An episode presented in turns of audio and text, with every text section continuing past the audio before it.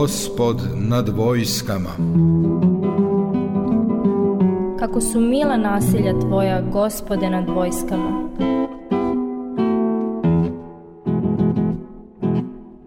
Gospode Bože nad vojskama, usliši molitvu moju. Gospode Bože nad vojskama, blažen je čovek koji se nada u Tebe. Gospod nad vojskama. Emisija o Hristoljubivom vojinstvu. Pomaže Bog, poštovani slušalci. Ovo je emisija Gospod nad vojskama, radio Slovo Ljubve, arhijepiskopije Beogradsko-Karlovačke Srpske pravoslavne crkve. Ja sam pukovnik Stevica Karapanđin, autor i voditelj. Nakon naših stalnih rubrika, gost će nam biti magistar Goran Katić, stručnjak za statistiku. Razgovarat ćemo o evropskim vojnim i natalitetnim trendovima. Gospod nad vojskama. Danas pravoslavna crkva među svetim vojskovođama i vojnicima molitveno proslavlja svetog velikomučenika Teodora Tirona. 4. marta proslavit će svetog Vasiljka Rostovskog blagovernog kneza. U vojsci Srbije i Ministarstvu odbrane slavu svetog Teodora Tirona danas proslavlja komanda Komande za obuku. Gospod nad vojskama.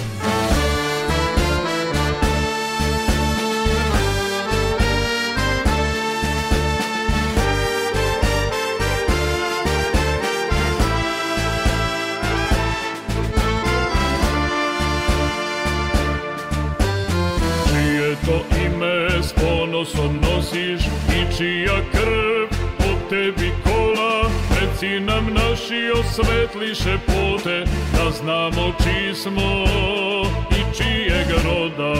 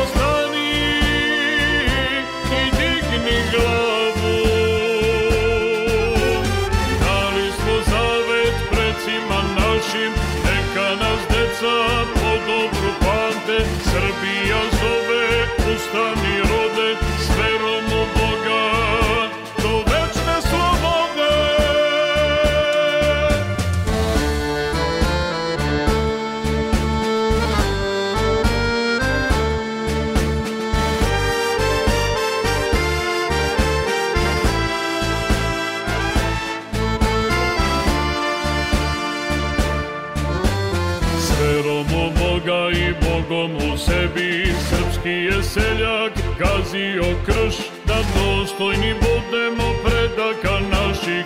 Čuvajmo svetinje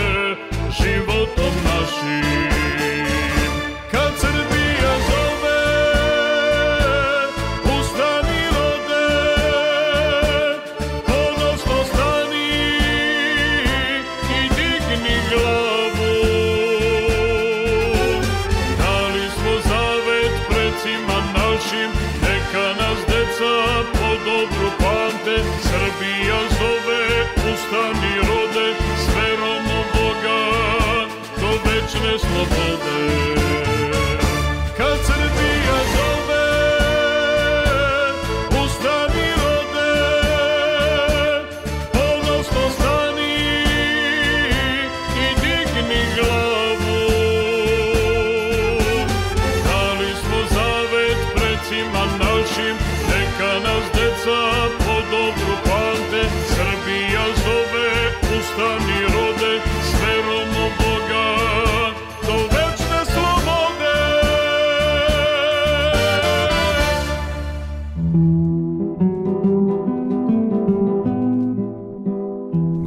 Gospod nad vojskama.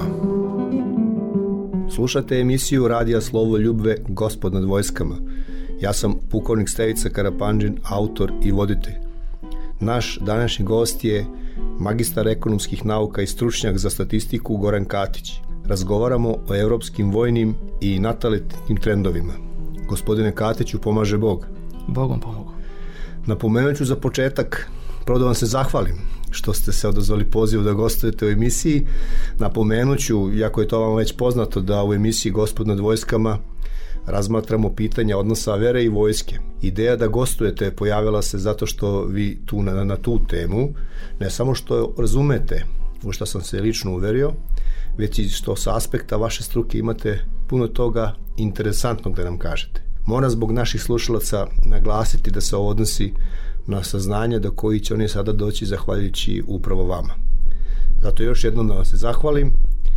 Kada ljudi čuju da ste magistar ekonomskih nauka, da ćemo razgovarati o evropskim vojnim i natalitetnim trendovima, mogu se zapitati u kakvoj je to međusobnoj vezi. Međutim, vaša uža profesionalna specijalnost je statistika, odnosno ekonomsko, socijalno, demografski trendovi i vi se time bavite u Republičkom zavodu za statistiku Srbije. Vi danas u emisiji na osnovu zvaničnih, javnih i dostupnih podataka Republičkog zavoda za statistiku iznosite, isključivo vaše lične stavove, a oni su s aspekta teme naše emisije vrlo interesantni. Mi smo i sarađivali po ovim pitanjima o kojima ćemo danas razgovarati. Imao sam priliku da se uverim da ste izuzetan stručnjak za statistiku. Kako je došlo do toga da ona postane vaše glavno profesionalno usmerenje? E, ja kada sam završio ekonomske studije u Beogradu, ja sam upisao postdiplomske studije nakon toga i moja neka želja bila je da sve one ekonomske nauke koje sam imao prilike pre svega u oblasti makroekonomije na izvestan način uopštim određenim metrikama i upravo je statistika i smer usmeravanja na, na njoj kroz ekonometriju, analizu vremenskih serija omogućio proširivanje vidika u svakom pogledu. Ja sam inače još u ranije mladosti dok sam bio na služenju vojnog roka imao ideje da upišem i vojnu akademiju. Želao sam čak da napustim vojni rok zbog toga, ali um, Bože volja bila je tako da sam sad na ovom putu gde sam i trudim se da to radim najbolje što mogu. Vidi se, kada je, najbolje kada kod ljudi postoji i ljubav prema propoziju kojim se bave, a kod vas se ta ljubav prema statistici vidi i na kraj krajeva donosi plodove. Ono što je meni dodatno privuklo pažnju i uticalo na formiranje mišljenja da ste vi postigli te izuzetne rezultate e, jeste što sam imao priliku da se uverim da ste i dete crkve i da je vaš privatni život liturgijski život. Osim toga, kao što ste već i rekli, e, služili ste vojni rok trajanju 12 meseci i ja kao oficir imao sam prilike da se uverim da vam je poznato šta je vojska i da vam je poznato i da smatrate vojni rok korisnim za svakog mladog čoveka. Vi ste napravili istraživanje koje povezuje dve stvari. Prvo je ukidanje vojnog roka, a drugo je godine života pri zasnivanju prvog braka kod muškaraca. Kako ste došli na ideju da se ovim bavite? Zapravo, ja sam do tih saznanja sasvim slučajno došao, iako u stvari ništa nije slučajno. Analizirao sam trendove nataliteta i učestvovao sam u pravljenju ovih planova za posticaje davanja porodiljama i tako dalje. I dublja analiza tih podataka jednostavno i E, ukazala je na, u meni je probudila uh, intuiciju da sva rešenja koja čujemo u javnosti, koja se iznose na tu temu, svi uzroci koji se to bože navode kao takvi, okvirno ne pokazuju logički smisao kada ih uh, ukrstimo sa drugim podacima. I osnovna ideja zapravo i jeste bila u tome da se mi generalno u statistici jednu oblast, ako želimo da proverimo koliko su e, podaci kvalitetni i zaista dobri, verodostojni, najbolja njihova veza se ostvaruje sa drugim pojavama. I tek kada se stvori logička zavisnost između dve ili više različitih oblasti, onda možete da smatrate da su podaci dobri. Zavod za statistiku i kolege sa kojima ja radim imaju veoma kvalitetne podatke za koje mnogi ljudi i ne znaju. S tim podacima danas ljudi barataju uglavnom oni ako nisu iskusni na način na koji njim odgovara, to možemo da vidimo i u javnosti često i u raznim političkim e, dešavanjima, ali okvirno iz ugla e, eksperata i stručnjaka koji se bave analitikom, ovi podaci su veoma kvalitetni i upravo su mi podaci u radu sa iz demografskih sektora i sa kolegama sa kojima sam sarađivao e, u ovom istraživanju kojem ja još jednom navodim iznosim svoja lična, svoja lična zapažanja i, i ona ne predstavljaju stavove zavoda za statistiku u kojem ja radim su potvrdila uh, neke pretpostavke koje sam ja postavio od samog početka mojih, uh, mojih istraživanja. Uh, zapravo ja sam počeo da analiziram ne samo demografske podatke iz prethodnih 40 godina, nego sam pratio i socijalne društveno društvene pojave koje su se naročito one koje su se desile od 2000 godina. Kažem naročito one zato što su 90. godine bez obzira na ratove koje smo imali na izvestan način bili produžetak onih trendova koje smo imali 80-ih. Drugim rečima, glavna suština mojih, mojih analiza leži u izobličavanju tradicionalnih vrednosti i moja želja bila je da to na eksplicitan način pokažem. E, nisam se zadovoljavao činjenicom da se neke stvari poput takvih definicija kao što tradicionalne vrednosti samo završavaju na rečima i na nekim atributivnim opisima, nego sam želeo da spoznam veću dubinu tih odnosa. I e, smatrao sam da je e, neophodno uzeti u obzir vojsku kao važan faktor, a kako vojsku opet u kontekstu služenja vojnog roka. I u okviru ovih analiza Naročito su zanimljivi trendovi koji su nastupili od 2000. godine do 2010. godine. To, je, znači, to vam je privuklo pažnju. Da, zapravo tu se moglo na to tako dugačkom uzorku od 40 godina, ja sam imao godišnje podatke, mogli su da se vide određeni trendovi od 80. do 90. 90. 2000.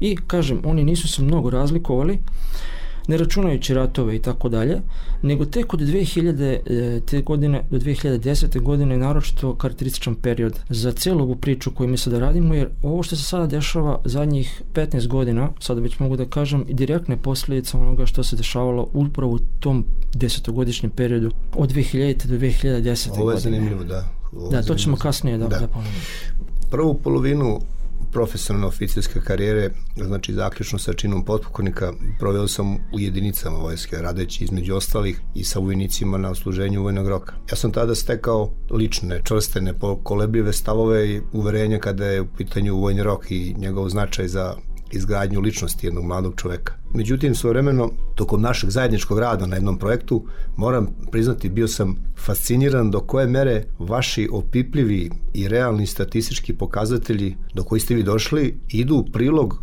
mojim ličnim stavovima formiranim tokom rada u trupnom delu karijere. Današnje vreme polemika za i protiv vojnog roka Rezultati vaših istraživanja egzaktnih do krajnjih granica potkrepljuju stavove mnogih koji su izgrađeni na ličnom iskustvu među kojima sam i ja. Zato ja koristim ovu priliku da vam čestitam na tome, jer sam prvi put sreo sa nečim što konkretno dokazuje uverenja koje se stiču u vojsci, mi ih ne možemo dokazivati, mi samo ih imamo i ona su sticana decenijama. Zato mi je bilo lako da se jednog momenta i lično uključim u ovu tematiku, jer nisam stručnjak za statistiku, ali uz vašu pomoć po pitanjima statistike ja sam se nekim u jednom delu bavio ovim.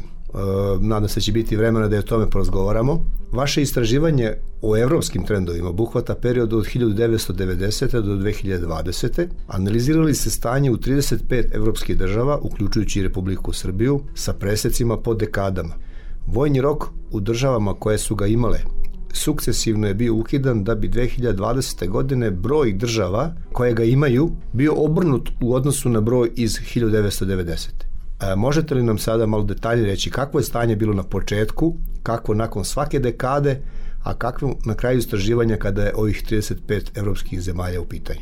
Pa evo ovako, da bismo na to pitanje odgovorili, mi smo se skoncentrisali na sve zemlje Evrope, ne vodeći se o tome koje su zemlje članice Europske unije ili ne, to je veoma važno da se napomene, zato što se u zemljama koje u 90. godinama i nisu bile članice Europske unije, to su znači zemlje Istočne Evrope, ne računajući e, Mađarsku, Poljsku i Češku i Slovačku koje su sredinom 90. godina zapravo ušle u te procese. U tih 35 zemalja vi ste analizirali godine stupanja u prvi brak muškaraca, ali tako? Jeste. A u zavisnosti od toga da li država ima vojni rok? Jeste. nema. I kad ga ukidaju šta se dešava? To samo tako možemo to, to je ovo što sam napomenuo došlo je nakon toga. Mi smo znači utvrdili zakonitost da u zemljama kod kojih je bio e, prisutan obavezan vojni rok a u to vreme su uglavnom sve zemlje imale starosnu granicu za odlazak na služenje vojnog roka. To je, da se uključim, 1990. u Evropi je 26 zemalja imalo vojni rok, obavezni vojni Jest. rok, a 9 ga nije imalo, da bi nakon tri decenije broj bio obrnut. 9 država 2020. ima vojni rok, 26. ga nema, tako? Da. Isti su, znači, e, primećeni su isti socijalni procesi, odnosno da kažem demografski procesi, znači granice za odlazak na, na odsluženje vojnog roka bile u svim zemljama približno ista. Zatim smo po godinama tačno imali informaciju kad i u kojoj zemlji došlo do uh, napuštanja obaveznog služenja vojnog roka i posle izvesnog broja godina, znači tačno smo utvrdili zakonitost koja pokazuje da kako je dolazilo, naravno to se nije desilo odmah kada jedna zemlja ukine služenje vojnog roka, da dolazi do, do rasta granice stupanja u prvi brak, nego prođe neki period od nekoliko godina dok se ti e, procesi ne izmere. On je bio prisutan kako kod zemalja zapadne Europe, tako i kod zemalja istočne Europe. Činjenica je da su u periodu između 2000. do 2010. godine naše zemlje, ovog, znači naše balkanskog regiona, gotovo sve prošle isti proces kao i koji se desio u Srbiji u kontekstu ukidanja, odnosno skraćenja vojnog roka. Tako da smo od 2010. 11. godine u skoro svim tim zemljama već imali vedenu profesionalnu vojsku. Ali poenta u tome da su na početku vašeg perioda istraživanja e, razlika u godinama stupanja u prvi brak muškaraca kod zemalja... Nije bila velika koliko dve godine koliko mi se čini? E, između e, između muškaraca i žena ali ne između muškaraca u, u državama koje su imale muškaraca vojno. nije bila uopšte velika. Ona je ona je ona je, ona je okvirno u početku 90-ih bila na, na, na sličnom nivou. To je bilo negde oko 26 7 godina u prosjeku je bilo oko 26-7 godina i e, postepeno zemlje koje su ranije krenule sa ukidanjem vojnog roka, taj proces je počeo da se povećava. Da li sam dobro zarunio? Granica se poste, postepeno, granica e, stupanja u prvi brak se postepeno izjednačavala u tih 30 to, godina. To, ona je, u ti, tako je, u tih 30 godina, da. Ja sad samo pokušam Ona je na početku iznosila, da, dekadu, da, da pojasnim, znači radi se o dve grupe zemalja koje imaju vojni rok i koje ga nemaju. Jeste. I uh, granica se generalno pomerala za sve zemlje, Jest. ali u zemljama koje su imale vojni rok, koliko sam vas ja shvatio, tamo je granica bila dve godine ranije.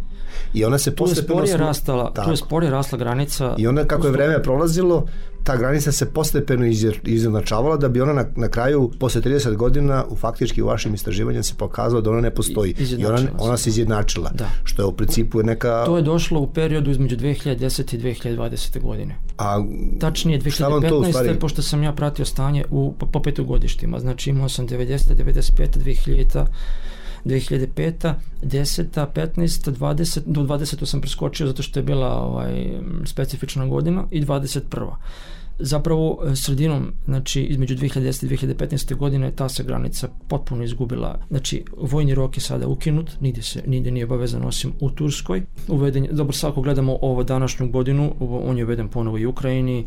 Za Rusiju i Ukrajinu su podaci prestali da se objavljaju. Mm, verujem da su to svesno urađene. Da, u ovaj. Ukrajini je vojni rok ukinut 2013. Da. pa 2014. posle one situacije na Krimu da, Oni su vraćen. čak i sakrili svoje podatke o da. prvom stupanju u brak. Da, znači, to, to što smo rekli za ovih 35 zemalja, njima nismo to, nismo to pomenuli, dobro što ste se to, ovaj, što ste to dali da ideju u, tu, u tim zemljama nisu, u njima nisu obuhvaćeni Ruska federacija, Belorusija i Ukrajina, ali oni te podatke ne objavljuju. Imamo mi sad... Objavljivali su ih do neke 2000. godine, ali ti podaci kasnije jednostavno nisu bili dostupni. Da. Čak na njihovim sajtovima, na sajtovima za, Zavoda za statistiku ti podaci nisu više bili dostupni. Čak ni na sajtu Eurostata nigde tih podataka više nije bilo. Sad imamo trenutno da je u Litvaniji, da je nekoliko država, ne mogu da se setim, u neposrednom, neposrednoj blizini ovih dešavanja u Ukrajini upravo se vraća, postoji inicijativa za vraćanje vojnog roka, neke su vratile. Više zemalja koje su članice NATO pakta razmatraju vraćanje vojnog roka. Da, znači definitivno to je bilo da su zemlje koje su imale vojni rok, 26 zemalja, kod njih su dve godine ranije muškarci stupali u brak u odnosu na zemlje koje ga nisu imale i kako je vreme prolazilo, to je zaključak, koliko sam shvatio, e, da na kraju 2020. godine granica nije postojala. E, razlika nije postojala, a granica se za sve, to je generalni trend, pomeranje granice stupanja u prvi brak je svugde prisutan. Moramo da naglasimo da ove podatke koje mi sada iznosimo, oni su u principu javno dostupni na mnogim javnim prikazima kao što su i štampani i elektronski e, mediji, pre svega mislim na portale Eurostat, Wikipedia, recimo tu može se doći puno podataka, e, World Population Review, taj portal sam ja koristio u određenim situacijama. Pored toga moram da kažem da naš Republički zavod za statistiku četiri puta godišnje objavljuje časopis Trendovi sa vrlo zanimljivim podacima s tim da njemu uvek postoji jedan e, stručni rad, jedan vaš rad takav je objavljen u septembru 2022. upravo na novu temu i tome ćemo nešto reći kasnije. Međutim, da bi se došlo do podataka o, o ukidanju vojnog roka i o godinama stupanja u prvi brak muškaraca u ovih 35 zemalja koje smo pomenuli sa presecima stanja po dekadama, podatke koje ste vi sada malo prepominjali, da bi se do njih došlo, ipak je potrebno znanje i vreme. Kako, se, kako, kako ste do njih došli? Sigurno mu treba dovoljno puno vremena i veštine i iskustva. Ja u svom radu m, praktikujem korišćenje podataka kojima nije potrebna velika obrada. Najbolje ako neku analizu možete da uradite sa podacima koji su već izmereni kao takvi konačni i vi ih posle uklapate u vašu analizu Naravno da do nekih podataka mora da se dolazi e, projekcijom ili da kažem procenom. Takvi podaci nose izvesnu dozu rizika da takva procena ne bude ispravna, to jest da indikatori koji koristite u njihovom izvođenju ne budu relevantni i shodno tome ja sam pri izradi i ove analize i generalno u svom radu trudim se da baratam podacima koji su kao takvi konačni, objavljeni, zvanični. Postoje i oni podaci koji nisu objavljeni, što ne znači da nisu dostupni javno i neke sam podatke našao od ovih pogotovo za ove europske zemlje na sajtu Eurostata. Eurostat ima veoma moćnu i veliku bazu podataka. Tu postoje podaci u stupanju, u godinama stupanju Tako prega. je, postoje podaci. Za Srbiju, kao što sam već rekao, kolege iz demografskog sektora raspolažu isto relevantnim podacima koje prosleđuju kolegama iz Eurostata, tako da su ti podaci koje Zavod ima zapravo i oni podaci koje i Eurostat objavljuje. Što se tiče... I postoje alternativni izvori. Koji su to izvori? Alternativni izvori bi u ovom slučaju bili neki, neki vaš pokušaj procene. Recimo, kada sam radio, na primer, podatak o izračunavanju verovatnoće rađanja prvog deteta, pa sam posmatrao kohortu žena od 15 do 49 godina.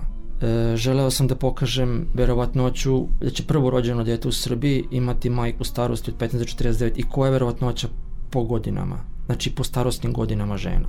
To su izvedeni podaci opet na osnovu, kažem, podataka Republičkog zavoda statistiku. I u takvom zahvatu opet se trudim da broj moje intervencije bude najmanji. Tako da i te podatke smatram ispravnim ukoliko nemate već zvanično objavljen podatak. To je veoma važno da svaki analitičar i istraživač bude u stanju da uradi kako bi mogao da svoje početne hipoteze koje postavlja pred istraživanje dokaže ili ih ospori. Kakvo je vaše iskustvo sa ostvarivanjem hipoteza koje ste postavili i na kraju s rezultatima? Moje početne hipoteze su, Bogu hvala, ispale dobro, ispravne, tačne. Znači, one su se, koliko sam čitao na ovu temu, generalno, trendova nataliteta u Srbiji i slušao sam razne eksperte koji su pokušavali da odgovore na ta pitanja. Neophodno je sprovoditi i neke zasebne ankete, specifične ankete, gde je veoma važno izabrati relevantan uzorak, što muškog, što ženskog dela populacije i u tom kontekstu način na koji vi postavite istraživanje podaci moraju da potvrde to. Kao što sam rekao, mogu i da ospore. U mom slučaju su se ti podaci potvrdili. Ja sam jednostavno želao da doprem do nekog konkretnijeg odgovora koji mogu da kvantifikujem. Pretpostavio sam, kao što sam već napomenuo na početku, da su dva glavna stuba naše državnosti morala, crkva i vojska, zapravo odgovori na ovo pitanje. I shodno tome sam uključenje vojske u trendove nataliteta upravo posmatrao iz ugla služenja vojnog roka za muškarce. Takođe, ja sam za potrebe ovog svog rada sprovodio i sobstvena istraživanja moram da se malo našali na, ljud, na ljudima koji nisu ni znali da učestvuju u mom istraživanju. To su bile i moje kolege koje su radile sa mnom, a i neki moji lični poznanici. Trudio sam se da taj uzorak bude što relevantniji. Opušteno sam razgovarao sa njima na, o raznim temama i ovaj prikupljao sam te podatke jednostavno kroz njihove odgovore i te neke početne pretpostavke i u ovom cijelom vremenu u kojem se danas govori da su razno razni posticaji potrebni i da ne znam da su potrebni finansijske mere i da su potrebne usklađivanje radi do roditeljstva, me, e, sve to e, jasno. Nekako u cijeloj priči nigde se ne pominje muškarac. A upravo ton, upravo, upravo to je bila ključna varijabla koju su mnoge žene sa kojima sam ja lično razgovarao na tu temu same rekle. I to je zapravo, odmah je bilo postavljeno pitanje, vi ćete videti čak u, u mom radu, ja sam dosta se bavio analizom i vambračnih zajednica u cijeloj priči. Nama je recimo sada prisutan trend da se više dece rađa u vambračnim zajednicama nego u brakovima. Međutim, ako biste pogledali podatke u 2010. godini i podatke u 2021. godini, dok je dopiralo moje istraživanje, do duše ne, ništa se to ne menja ni u ovoj 22. i 23. godini koje su više konsolidacione u odnosu na onaj prvi stres koji se desio 20. Vi ćete vidjeti da se tu, da se u cijelom tom periodu broj djece povećao za svega 0,9%. To je, zanim, da ne kažem, jedan infinitezimalan broj koji uopšte nije značajan. A s druge strane imate pad broja brakova I upravo zato možemo da kažemo da je broj dece koje se rađaju u vanbračnim zajednicama neka vrsta konstante, a da pošto se broj brakova smanjuje, a djeca su se najviše rađale u brakovima, sad se uspostavlja da je učešće broja dece koje su rođene u vanbračnim zajednicama povećan, ali ne po slovu njihovog apsolutnog rasta, već po slovu toga što su konstantne. I u razgovoru takođe, i to je bilo jedno od mojih pitanja za analizu i gledaj, kroz moje lične testove, jer ja sam to morao da sprovodim kao pojedinac, nisam to mogao da sprovodim u okviru institucije Zavoda za statistiku, niti preko neke druge. To osobine istraživanja koja bi zapravo stvarno tražila velika ulaganja. Ja sam se trudio da ovaj, jednostavno spoznam i tu činjenicu da, je, da su generalno vanbračne zajednice s obzirom na svoju masovnu popularnost danas vrlo reproduktivno neproduktivne. I upravo je analiza pokazala da se broj rođene dece u, u, u brakovima koji se smanjuju, nažalost, sada pokazuje da su ispada da je najviše dece rođeno u vanbračnim zajednicama. Da. Polako smo e, došli na prostor Republike Srbije, odnosno na vaše istraživanja u našoj zemlji, da se još malo vratimo na temu vojnog roka, pošto je ovo emisija to je sve povezano. Gospod nad vojskama. U Republici Srbiji 2002. godine vojni rok je sa 12 meseci e, smanjen na 9. 2009. sa 9 skraćen je na 6 meseci. 2011. godine vojni rok je suspendovan, kolokvijalno se kaže zamrznut odlukom Narodne skupštine. Dakle, vojni rok u Republici Srbiji nije ukinut i nije potrebno menjati bilo kakvu zakonsku i podzakonsku regulativu, već je potrebno samo da Narodna skupština, ukoliko se donese odluka da se ponovo bude obavezno služenje vojnog roka, u tom slučaju bi samo Narodna skupština trebao da stavi van snage odluku o suspenziji. Vi ste uh, analizirali po tim, po ovom pitanju, osam pokazatelja u Republici Srbiji, to u periodu od 1980. do 2011. Koji su to pokazatelji? To su bili pokazatelji o broju regruta, potom o starostnoj granici regruta, odnos muške populacije prema broju regruta, učešće regruta u ukupnoj muškoj populaciji, potom prosječna starost e, muškaraca pri zasnivanju prvog braka, razliku u godinama zasnivanja prvog braka i služenja vojnog roka, broj prvorođene dece i prosječna starost žena pri zasnivanju braka, prvog braka.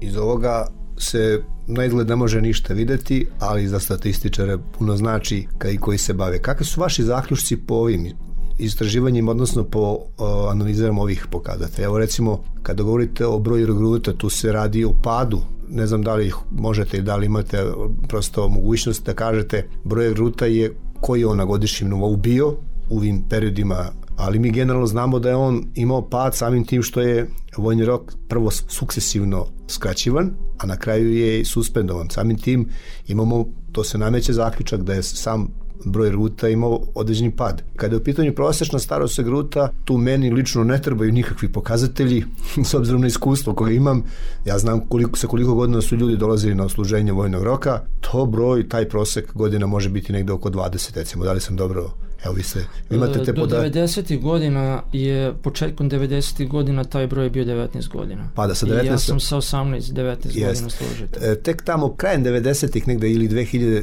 posle 2000. je omogućeno ono što recimo, to pamtim dobro, bilo je omogućeno da se na služenju vojnog roka vraćeno je ono nekadašnje da se ide i posle fakulteta. Nama je to recimo komandirima i komandantima u to vreme jako puno značilo. E, mnogo je lakše bilo raditi sa ljudima kada imate u kolektivu i ljude od 26-7 godina, bar jednog ili dvojicu, nego kada su svi sa 19 godina. Ja po tome pamtim da smo tamo negde 90-ih imali sve 19-godišnjake, a onda su počeli polako da pristižu i vojnici koji imaju završen fakultet, koji su malo stariji. To je puno značilo nama u radu sa njima i po tome pamtim ali eto, plike neka je to neka, neki prosek za ovaj period 20 godina, to je tu negde, ne možemo mnogo da, pro, da promašamo. Primećuje se neka vrsta inverzije između ta dva podatka, između broja regruta i e, starostne granice. Kako je starostna granica za odlazak u vojsku počela da raste, tako se broj regruta automatski počeo da smanjuje. Da.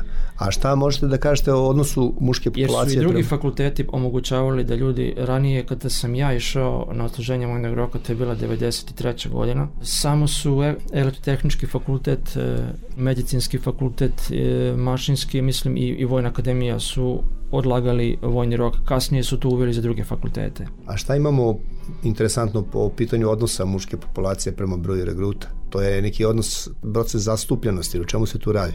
To je odnos ukupnog broja regruta prema ukupnoj kohorti, to jest ukupnom muške broju populacije. muške populacije koja ima 19 godina. Da. Znači, mi smo imali podatak o ukupnom broju starosti regruta koji dolaze, to je bilo 19 godina i mogli smo iz godine u godinu da pratimo kakav je, koliko je njihovo učešće bilo u ukupnom broju te dece, odnosno muškaraca te starostne grupe i taj broj je bio 85-90% u tim nekim 80. godinama. I to je sve do skoro i do sredine 90. godina. Kasnije on počeo postepeno da pada. I naglo, nagli pad imao... Pogotovo posle 2000. godine, da, da. to je već bilo to je, to je logično da je, da je on izuzetno visok sve vreme dok je bio obavezni vojni rok. Da. A kako je počela, da kažem, uslovno liberalizacija ovog pitanja i na kraju suspenzijom, taj odnos je potpuno bio obrnut. Već smo pominjali prosečnu starost muškaraca pri zasnivanju prvog braka, a za, ovih, za svih 35 zemalja koje ste analizirali. Isto ste ovde radili analizu za Srbiju, tako tu u principu nema, nema razlike u, u pravilu. Važno je napomenuti da se stupanje prvi brak muškaraca i starost muškaraca pri dobijanju prvog deteta, ono je bilo maltene identično, prema našim podacima koje mi imamo. Žene su znači u 80. godinama prvo dete dobijalo u proseku sa oko 24 godine. Mi imamo podatke do 80, 81, 82 i tako radno sve do 2022. godine. Ti podaci su izračunati to kolege računaju i to su decimalni brojevi. 24,1, 24,1, 24,2, 2 i tako to ide po godinama. u prosjeku ako se zaokruže na ceo broj, ali godinu moramo da gledamo kao ceo broj, on je trajao 12 godina. Znači, taj period dobijanja prvog deteta, odnosno stupanja prvi brak za žene je bio 24 godine i on je trajao oko 12 godina, znači do 80 do 91. godine. A za muškarce? Za muškarce je bio odnos 26. Znači 80. godine u proseku su e, stupanje prvi brak bilo oko 26 godina.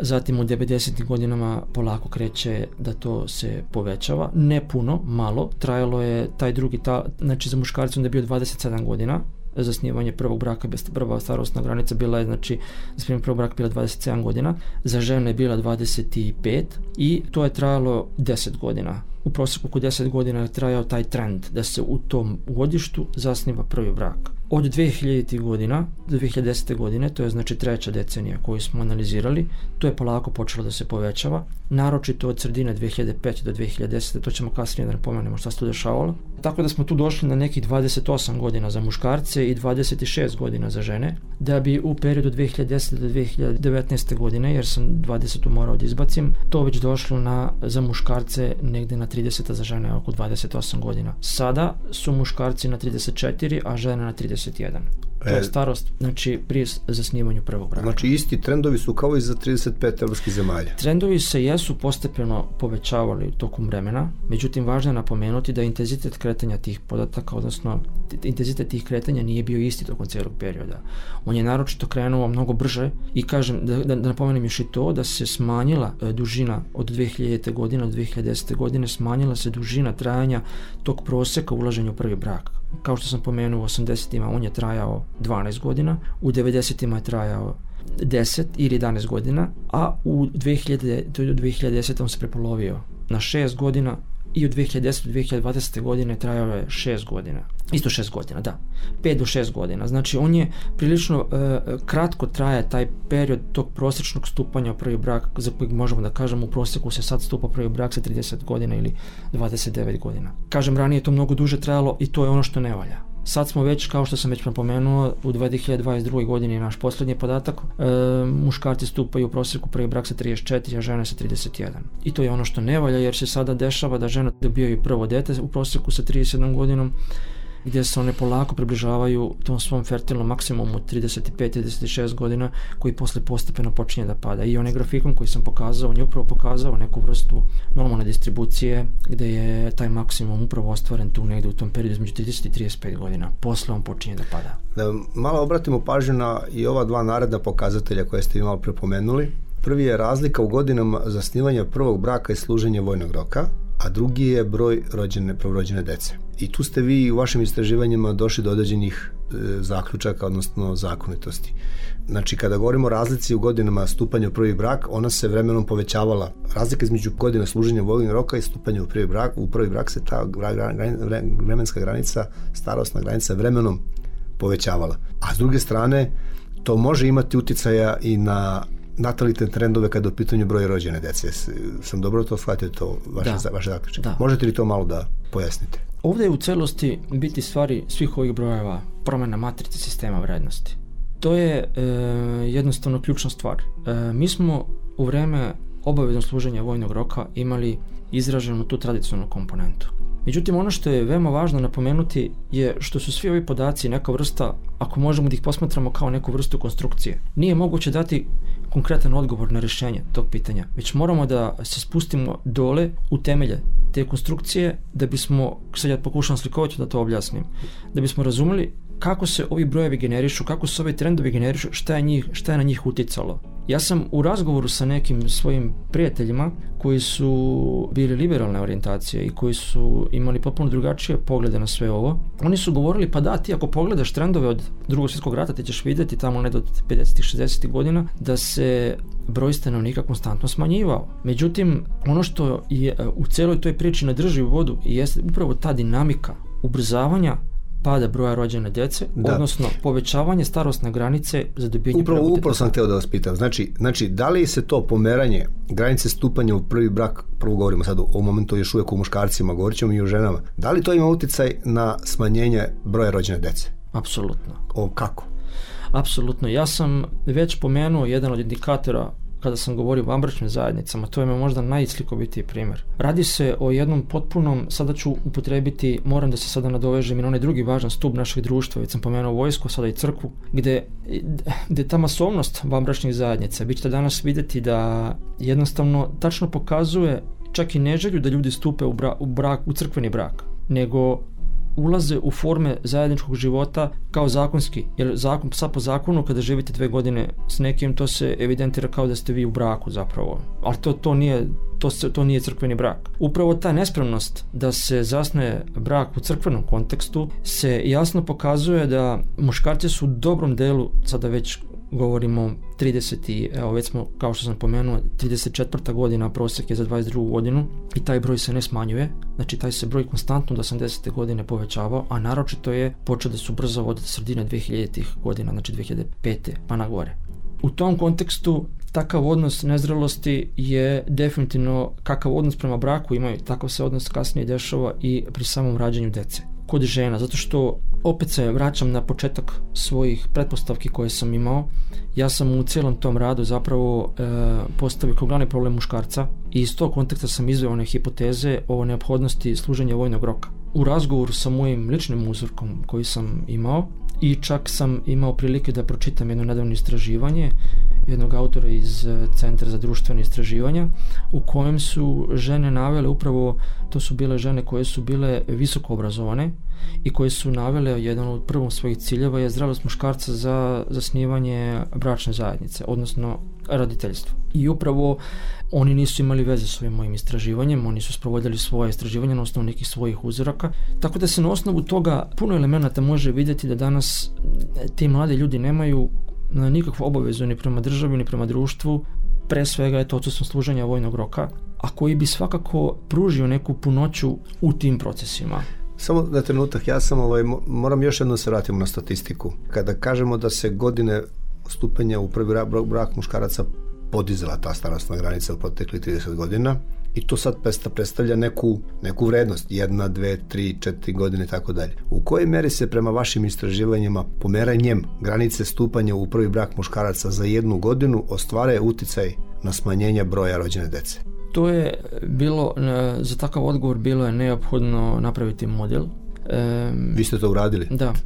Bilo je neophodno uključiti e, model ekonometrijski model je bio korišćen, imao sam znači, godišnje podatke, dovoljno dug period od 80. godine i e, pokazano da je on u proseku, mi se kad, kad pričamo o ovim starostnim granicama za stupanje prvi brak, neko će možda reći pa dobro, sad je to 34, pre 10 godina je bilo 29, nije to možda tako ni puno, ranije godinama je ta, to pomjeranje bilo i znatno manje, bilo je 29, pa 28, pa 27, u stvari, e, zaključak je da e, je to u proseku e, dizanje starostne granice za jednu godinu kod žena pri rođenju prvog deteta uticalo je u proseku da se prosječno godišnje rodi oko 4000 djece manje.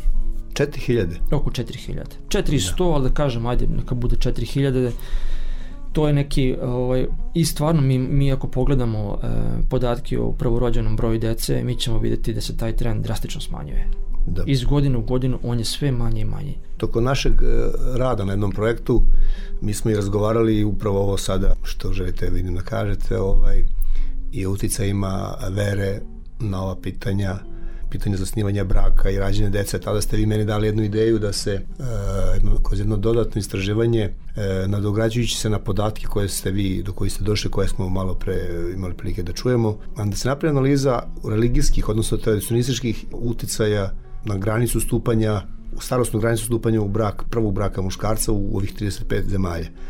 Ja ću samo napraviti jedno kratko posjećanje na to. Jako je to vama poznato, pa ću malo i uzurpirati mikrofon. Znači, bilo je dovoljno otići na portal Wikipedia iz ovih 35 zemalja koje ste vi prethodno već uradili analizu kako je kada ukidan vojni rok i kako se podizala granica stupanja u godine, godine starosti stupanja u brak, prvi, brak muškarca. Za te zemlje je bilo dovoljno pogledati podatke sa popisa. Odmah se nametnuo jedan zaključak da se može napraviti kriterijum po kome se te zemlje mogu podeliti u dve grupe. E, zemlje sa snažnijim tradicionalističkim i religijskim uticajima i zemlje sa, gde, gde su ti uticaji manje izraženi. Kriterijumi su bili da ako se opredelimo da je u nekoj zemlji preko 80% ljudi se izjasnilo kao verujući, a da je procenat ateista i neopredeljenih od 1 do 5 izuzetno do 20%, pa takve zemlje uslovno nazovemo da su to zemlje sa snažnijim ovim religijskim i tradicionalističkim uticajima. S druge strane, u zemlji kojima ima preko 30% neopredeljenih, odnosno ateista i da je broj procenat verujući znatno, znatno manji, takve zemlje nazovemo uslovno zemlje u kojima e, su ti uticaji e, mnogo manji dobijemo dve grupe. Prva grupa sa izraženim uticajima od 16 zemalja i prva, druga grupa sa mnogo manjim uticajima od 19. Ono što se isto vidi da su u ovih, ovoj prvoj grupi sa izraženim uticajem sve zemlje sa većinskim islamskim življem, skoro sve pravoslavne, sa pravoslavnim izuze Bugarske, većina rimokatoličkih i nijedna zemlja sa nekom od protestantskih denominacija. Isto vreme kada pogledamo, izvršimo, kada pogledamo u kojoj grupi pripada ovih 19 zemalja sa tim jako malim procentom verujućih, odnosno sa uslovno rečenom manje izraženim uticajima, to su isključivo i uglavnom e, zemlje sa nekim od, nekom od protestantskih denominacija. I tu imamo opet e, tri pokazatelja koja su suočena. E, generalno, kod svih ovih zemalja postoji trend podmeranja granice nagore stupanja u prvi brak muškaraca, ali ta tri pokazatelja koje su u ovoj analizi posebno ističu jesu da prvo, znatno su niže godine starosti muškaraca pri stupanju u prvi brak kod prve grupe država, dakle sa kod onih gde je visok procenat verujućih. Drugo, izraženija razlika u godinama starosti u odnosu na ovu vašu prvu prethodnu analizu, izraženija razlika pri stupanju u prvi brak kod muškaraca u prvoj grupi u odnosu na muškarce u drugoj grupi i ta razlika je tri godine. I treći pokazatelj je da ne postoji približavanje, da u ovih tri decenije u tom analiziranom periodu razlika je konstantno uvek tri godine. i to je jedno bilo jedno, jedno zanimljivo istraživanje da se može videti ovaj uticaj ne znam kakav je vaš komentar na, na, te, na te pokazatelje, te rezultate Pa pazite, e, svaka zakonitost koja ima dovoljno dug vremenski period, ništa ne može da bude stvar slučajnosti. I to je ono što se u statistici tretira kao egzaktna zakonitost koja je signifikantna. Mi sad ne pričamo ovde o podacima iz poslednje dve godine ili na osnovu neka dva podatka, ovo su znači zakonitosti koje su potvrđene od 90-ih, od kad su raspoloživi zapravo ti podaci koje ste navili.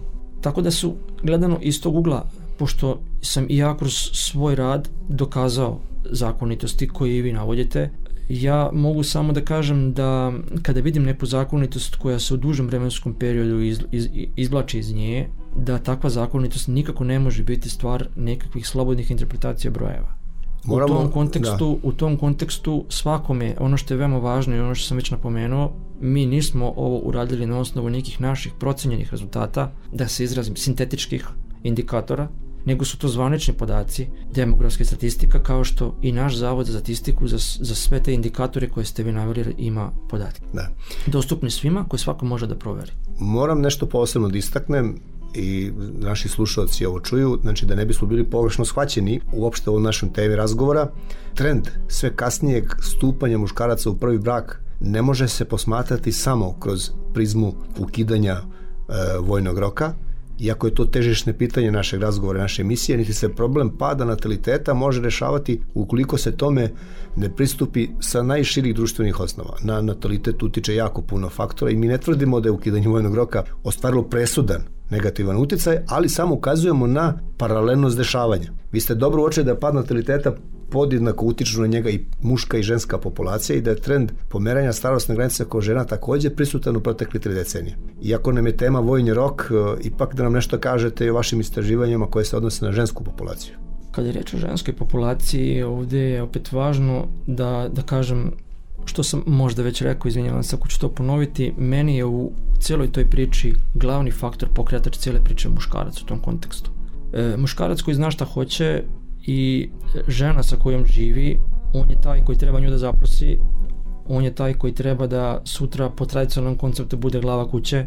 Ako on nema tu zrelost, on će sa tom ženom, da ne kažem, vegetirati godinama u nekoj zajednici koja na kraju krajeva ne mora ni da se pretvori u brak. Tako da ja sam u ličnom razgovoru sa ženama bukvalno dobio odgovor da je glavni problem na muškoj strani mogli ste da vidite e, dosta intervjua na ulici e, gledao sam čak eto moram da se kako smijem da pomenem i intervju koji sam gledao gde ste bili gost u nekoj emisiji gde su se posle kamerman je uključio e, nekoliko ljudi na ulici kada su anketirali na temu vojnog roka da na temu vojnog roka gde su same one izjavile da su muškarci danas postali generalno malo mekši da to više da. nema onu čvrstinu ni prodornost kakvu ali kad sam vas pitao ovde ja sam mislio konkretno vi ste 2022. u septembru u časopisu Trendovi objavili jedan vrlo zanimljiv rad i bavili ste se upravo ovim pomeranjem da, da. granice e, stupanja u prvi brak žena i tu ste se dotakli i reforme e, visokog školstva i još nekim. Pa evo samo kratko ističe na vreme kako... Da, to su malo osetljive teme, to kao prvo moram da kažem. E, želeo sam samo da ukažem na značaj tih tradicionalnih vrednosti čija je restauracija, odnosno kažem restauracija, nego dekompozicija počela početkom 2000. godina. O čemu se zapravo tu radi? Mi smo do 2005. godine imali prosečno upisivanje na fakultete od uh, devojaka koje završe srednju školu negde oko 20%.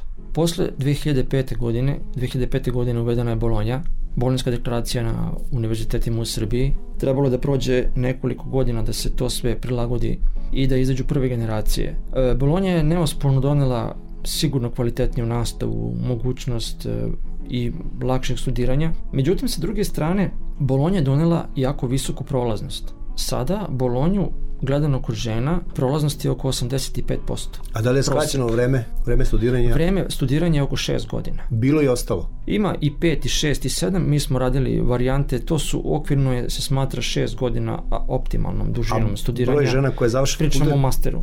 Da. O masteru.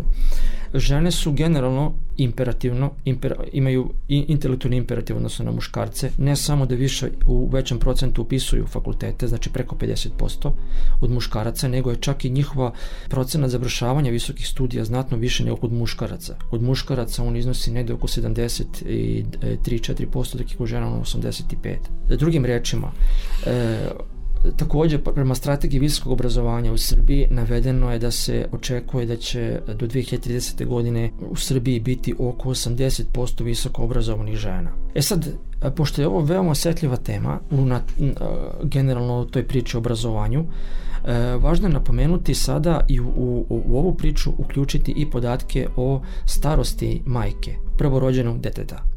Pa je recimo u 2000. godini e, žene sa srednjom školom su preko 50% činile učešće svih majki. E, ove sa visokim obrazovanjem su činile 1%, procenat oko 7%.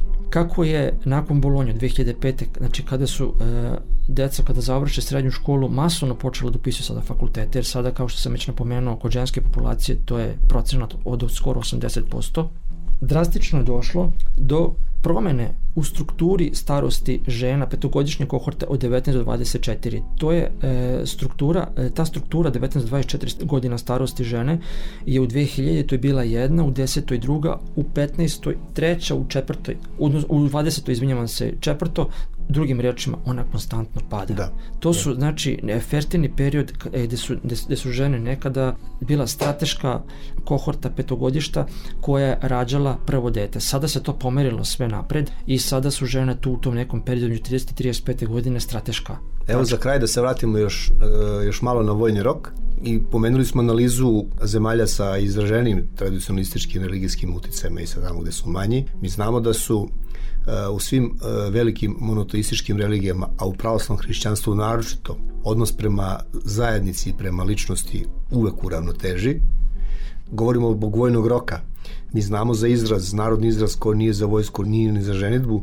U vreme kada je narodna mudrost iznedrila ovu istinu nije trebalo dokazivati, a u tada to u vreme nikad nije sumnjao. Kod nas se u javnom diskusu poslednjih godina moglo čuti, na primer, kako vojska nije vaspitno popravna ustanova, što nije ništa drugo nego izvrtanje ruglu jednog e, iskonskog stava koji postoji u zajednici, jer e, vaspitavanje je proces u kome smo mi neprekidno izloženi, od rođenja pa do, kraja ovog zemaljskog života. Vojska je upravo jedna zajednica u kojoj je isključen bilo kakav oblik egoističnog ponašanja. Mlad čovjek se prvi put u vojsi suočava sa ozbiljnim izazovima. On dolazi sa kvalitetima koje je njega uradila njegova zajednica, roditelji, porodica, škola, vrtić i tako dalje, drugovi. Kao određena ličnost dolazi, izgrađena ličnost u vojnu sredinu i tu se suočava sa sa susret, dolazi do susreta i suživota velikog broja ljudi različite socijalne, kulturološke, obrazovne, imovinske i svake druge provenijencije i na, do susreta različitih nacionalnih i vers, verskih pripadnosti. I takva jedna vrsta zajednice kroz koju jedan adolescent prolazi, kome u isto vreme mora da se odriče svoje, svog ja zbog poslušnosti, a u isto vreme dobija uh, samo od, mnogo puta situaciju u kojoj treba da odlučuje sam, da donose odluke, da dobije vrlo odgovorne dužnosti, dolazi do dodatnog nadograđivanja njegove ličnosti i on se sa takvim kvalitetima vraća u sredinu iz koje je došao u vojni rok i dolazimo do ovoploćenja ostvarivanja onoga što narodna mudrost naziva da je vojska narodni krvotok. Kako ste vi doživjeli, evo za kraj pitanje, vaš vojni rok? Pa U vreme kada sam ja služio vojni rok, to je bilo sve mnogo strožije. Ja sam svega bio dva ili tri puta kući za to vreme i moram da priznam da na izvestan način mi je bilo teško, ali sam sa druge strane kroz tu borbu izašao jači. I reći ću samo da ako neko kaže kakve sad to veze ima sa natalitetom, sazrevanjem muškaraca, da onaj ko je došao u armiju, a imao je devojku, njega devojka čekala godinu dana i tu žrtvu koju ona podnosila najčešće se kasnije završavala krunisanjem braka. Odliš. Gospodin Katiću, nažalost, vreme nam ističe. Hvala vam što ste gostavili u emisiji. E, nadam se da ćete naći vremena da i u nekom narodnom periodu ponovo gostujete ili imate zaista puno toga što da kažete. Poštovani slušalci, ovo je bila emisija Gospod nad vojskama radija Slovo Ljubve, arhijepiskopije Beogradsko-Karlovačke Srpske pravoslavne crkve. Slušali ste razgovor sa stručnjakom za statistiku magistrom Goranom Katićem. Razgovarali smo o evropskim vojnim i natalitetnim trendovima. Sa vama je bila ekipa u sastavu Nebojša Mastilović, muzički urednik i Marko Perunović, producent. Ja sam pukovnik Stevica Karapanđin, autor i voditelj. Do slušanja, s Bogom. Gospod nad vojskama.